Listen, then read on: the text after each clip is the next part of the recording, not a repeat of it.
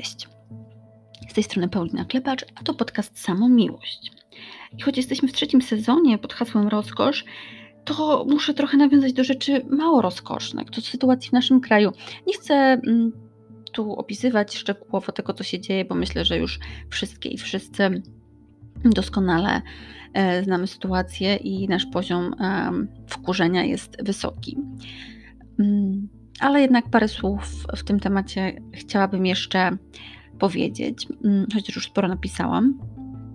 Mm, po pierwsze to, że, że bardzo szybko sobie uświadomiłam jako dorastająca dziewczyna, że mm, żyjąc w Polsce, będąc osobą z macicą, to jest przechlapane, delikatnie mówiąc, że jest zgniły kompromis aborcyjny i że nawet jeśli się spełnia, będąc w ciąży, jedną z przesłanek e, w tym kompromisie zawartą, czyli że ciąża jest z czynu zabronionego, takiego jak gwałt, czy że zagraża zdrowiu i życiu kobiety w tej ciąży, czy też właśnie e, jest przesłanka embryopatologiczna, no to już niekoniecznie w polskim szpitalu taka terminacja ciąży zostanie wykonana. To dało mi dużo do myślenia.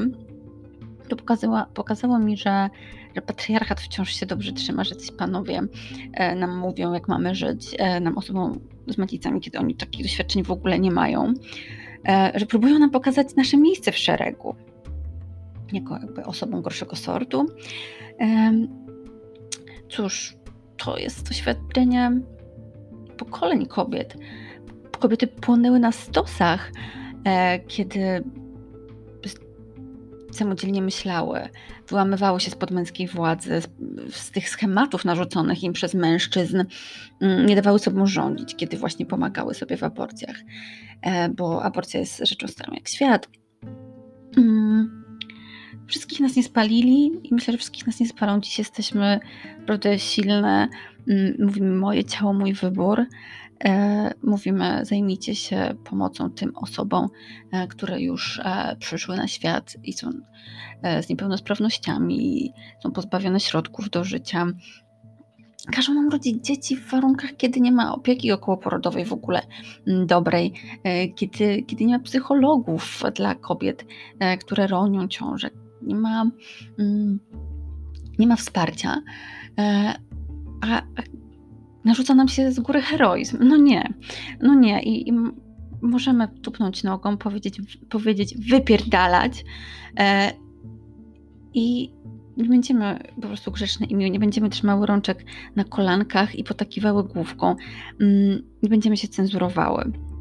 No ale właśnie, oni chcą nas dzielić na grzeczne i niegrzeczne, na młode i stare, mm, na święte i dziwki na dzieciaty i niedzieciaty. Więc to, to co chciałam powiedzieć to, i co uważam, że jest bardzo ważne, żebyśmy nie, działo, nie dały się podzielić, bo to dzielenie kobiet to jest takie bardzo e, sprytne narzędzie patriarchalne, które sprawia, że my same na siebie patrzymy krzywo, kiedy właśnie najważniejsze jest solidarność, żebyśmy ponad tymi podziałami walczyły.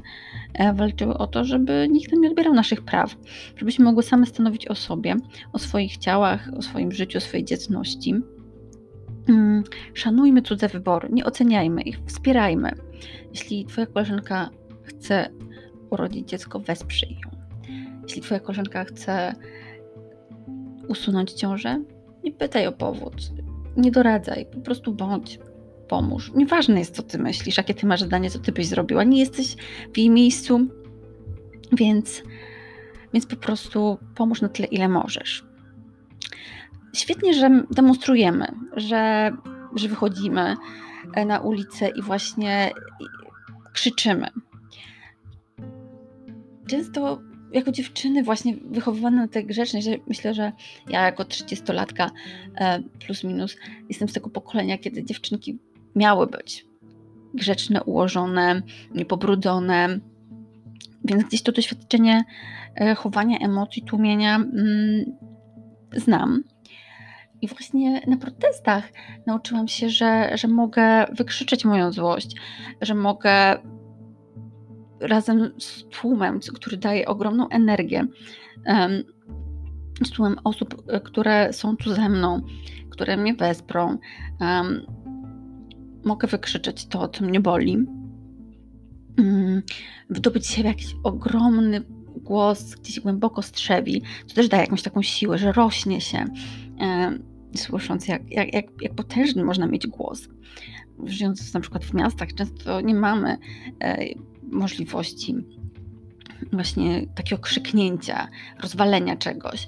E, myślę, że bardzo się pilnujemy, nawet jeśli mieszkamy w pojedynkę, gdzieś, gdzieś mamy świadomość, że ci ludzie są za cienką ścianą. Mm, więc tak, mamy prawo do niecenzuralnych słów, bo granice zostały mocno przekroczone. Mamy prawo do, e, do krzyku. Generalnie, jeśli bym miała powiedzieć, to te demonstracje choć z jednej strony no, nie powinno być tych sytuacji, które każą nam wychodzić, ale pozwalają rozchodzić gniew, pozwalają wykrzyczeć gniew, no i poczuć tą, tą siłę siostrzeństwa, ludzkiej solidarności, co jest ogromnie ważne. Mm. Jakby pamiętam doświadczenie czarnego protestu, gdzie to było kilka długich godzin ścisku w tłumie, w deszczu. Mm to było doświadczenie, po którym wróciłam do domu zmarznięta, zmęczona, ale też naładowana pozytywną energią. Mm, tym, że, tym, że jako kobiety jesteśmy ogromnie świadome, że jest nas masa, nas, osób z macicami, osób sojuszniczych, mm, że, że politycy nie mają prawa decydować o naszym ciele, życiu, sumieniu choć próbują wciąż. Ale właśnie co, co było ważne, to że po takim dniu pełnym emocji y, weszłam do wanny, zrobiłam sobie długą kąpiel gorącą, mm, nalałam sobie dużo wody, choć oczywiście miałam z tyłu głowy, że to jest nieekologiczne, ale jednak walka z patriarchatem męczy i właśnie trzeba mieć to na uwadze, żeby też znaleźć taką bezpieczną przestrzeń, żeby odpocząć. Tu jesteśmy my wkurzone, ale też jeszcze osoby w ogóle działające aktywistycznie, organizujące takie protesty na pierwszej linii frontu. To, to bardzo łatwo się też wypalić. Warto też takie osoby wspierać, jeśli gdzieś są blisko w naszym otoczeniu. Mm, to, to jest bardzo ważne, żeby mm, żeby z jednej strony dać upust tym emocjom, i z drugiej strony też zaopiekować się sobą, dać sobie ten odpoczynek, tę czułość.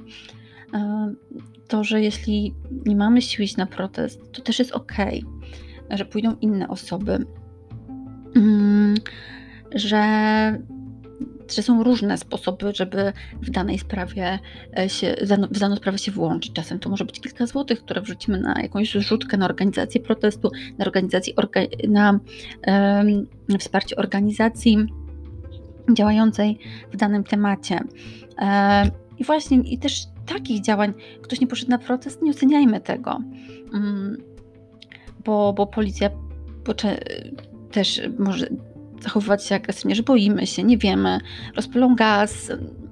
Każdy z nas ma inny próg jakby tego, czego może doświadczyć. Dla niektórych z nas tłum jest, zwłaszcza teraz w sytuacji pandemii, może być e, czymś, co, co po prostu przeraża, że czujemy się niekomfortowo, kiedy jest dużo ludzi wokół nas. Mm.